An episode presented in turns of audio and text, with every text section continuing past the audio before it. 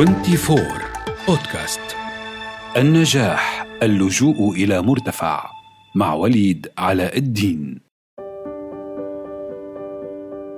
مقدرة أم موهبة؟ هناك وهم كبير اسمه الموهبة. أستطيع بثقة بالغة القول إنه كان ولا يزال وراء تأخر الكثيرين عن تحقيق أهدافهم وشعورهم بالفشل والبقاء في الحياة مجردين من إحساسهم بذواتهم. كيف ذلك؟ أهلا بكم في بودكاست النجاح اللجوء إلى مرتفع. معكم وليد علاء الدين ولكي لا يكون كلامنا مجرد قرقعة فارغة تعالوا نناقش معا بهدوء هذه المفردة المطاطة موهبة من أين جاءت وما الذي تعلق بها من مفاهيم خاطئة وصائبه ولنحرص خلال المناقشة على تفتيتها إلى أدق جزئياتها اللغوية والدلالية فإذا ما تبقى شيء تمسكنا به ووضعناه في إطاره الصحيح داخل حديثنا المستمر عن معادلة النجاح اللجوء إلى مرتفع. لن أشترط عليك لكي تشارك معنا النقاش أن تكون موهوبا، فقط سوف أضع عددا من الاشتراطات أحدها أساسي لا تكتمل المناقشة من دونه، وهو أن تجيد فهم حديثي باللغة العربية. حتى هذا الاشتراط له بدائل. أن تستعين ببرنامج ترجمة يعينك على فهم دلالات المفردات. البديل الأفضل بالطبع وإن كان يتطلب مزيدا من الوقت هو أن تتعلم العربية. بقية الشروط إضافية وليست أساسية، وإن كانت بلا شك تؤثر بدرجة أو بأخرى في عملية التواصل والنقاش.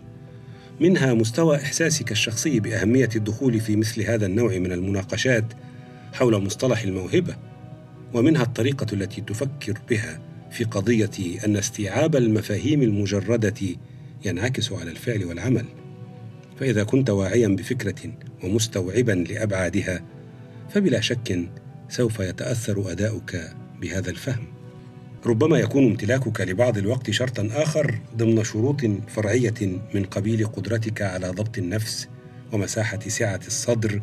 لن تنتهي قائمة الشروط إلا إذا أردنا لها أن تنتهي. أقصد إلا إذا أنهيناها. فلننهيها إذن انتهت. هل أنت موهوب في المناقشة؟ لا أفهم ما تعنيه بكلمة موهوب. أقصد هل تجد نفسك قادرا على المشاركة في نقاش وتمتلك الصبر الكافي للإنصات لمقولات الطرف الآخر وتفكيكها ثم اختبارها على معارفك وفرزها إلى ما يمكن قبوله وما يمكن قبوله بشروط وما لا يمكن قبوله وأسباب ذلك؟ آه بعد هذا التفصيص نعم فهمت ما تقصده. أعتقد أنني أمتلك الصبر وقادر على الفرز والتحليل. وكيف عرفت ذلك؟ أصدقائي يلاحظون ذلك ولكنني في الواقع لم أختبر الأمر بشكل واع ومقصود لكي أقدم لك إجابة قاطعة. يعني أنت موهوب في المناقشة أم غير موهوب؟ لكي تستريح لا أظن أنني موهوب. وما الذي دعاك إلى اختيار هذه الإجابة؟ ربما أنت موهوب. الموهبة إذا كانت موجودة فإنها تتدفق وتزيل الحواجز من طريقها. من أخبرك بذلك لابد وأنه موهوب. الجميع يعرف ذلك. الموهوب موهوب من صغره وفي الوقت المحدد تتفجر الموهبة. هذا حوار متخيل يلخص حالة من الفهم المغلوط سائدة إلى حد مفزع بين الناس. والخطير أنها متفشية بين الشباب في العمر الذي ينتظر منهم فيه اختبار قدراتهم. بينما هم مكبلون بوهم أنهم غير موهوبين وأن الموهوب موهوب من يومه وأن الموهبة لو كانت موجودة فسوف يلين لها الحديد وتتحطم الحواجز. أعذرهم. وأعرف أن هذا الخطأ المفاهيمي أساسي في ثقافتنا التي تعزو تميز الأفراد ونجاح تجاربهم إلى قوى خارجة عن تركيبتهم سواء البدنية أو الفكرية.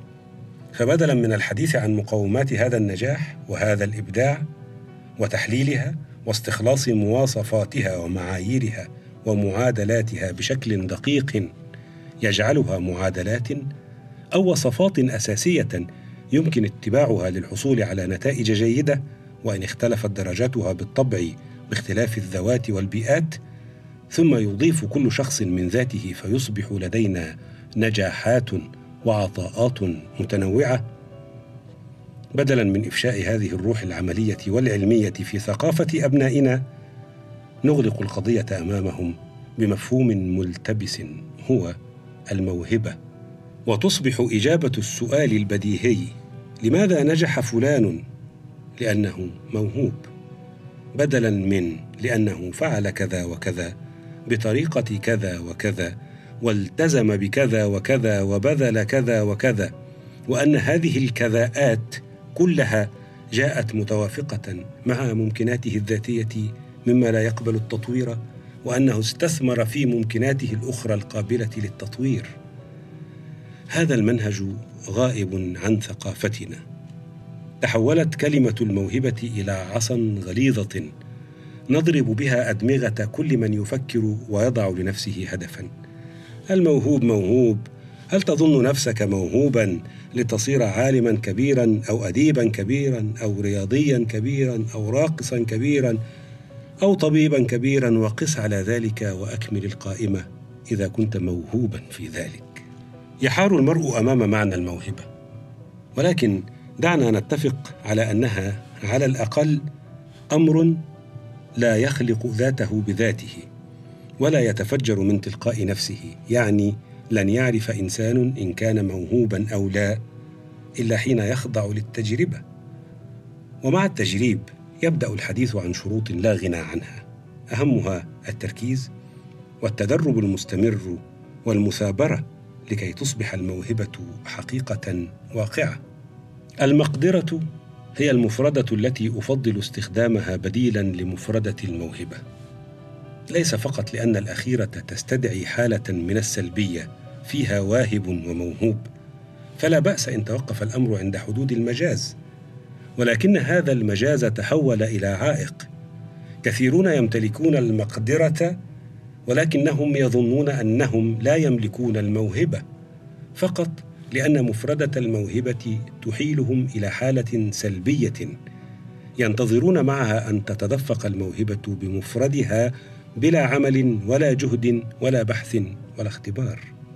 هذا الوهم هو ما يجعل النجاح والتفوق في الأعمال والمشاريع في ثقافتنا مرتبطا بالحظ والنصيب والتوفيق.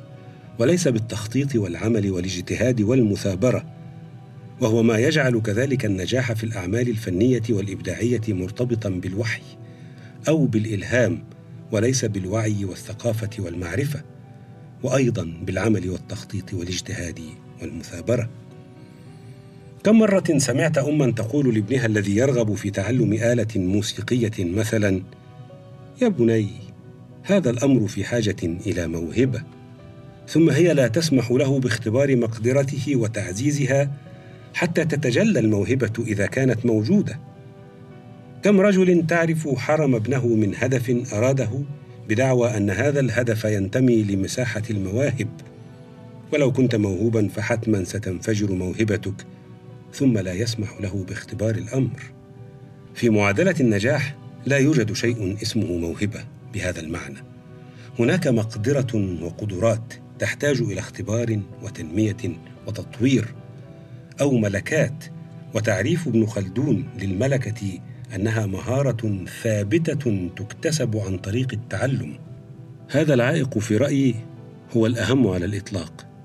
تحرروا من عقدة الموهبة واختبروا قدراتكم كل قدراتكم وملكاتكم ومهاراتكم إلى أن تتجلى موهبتكم.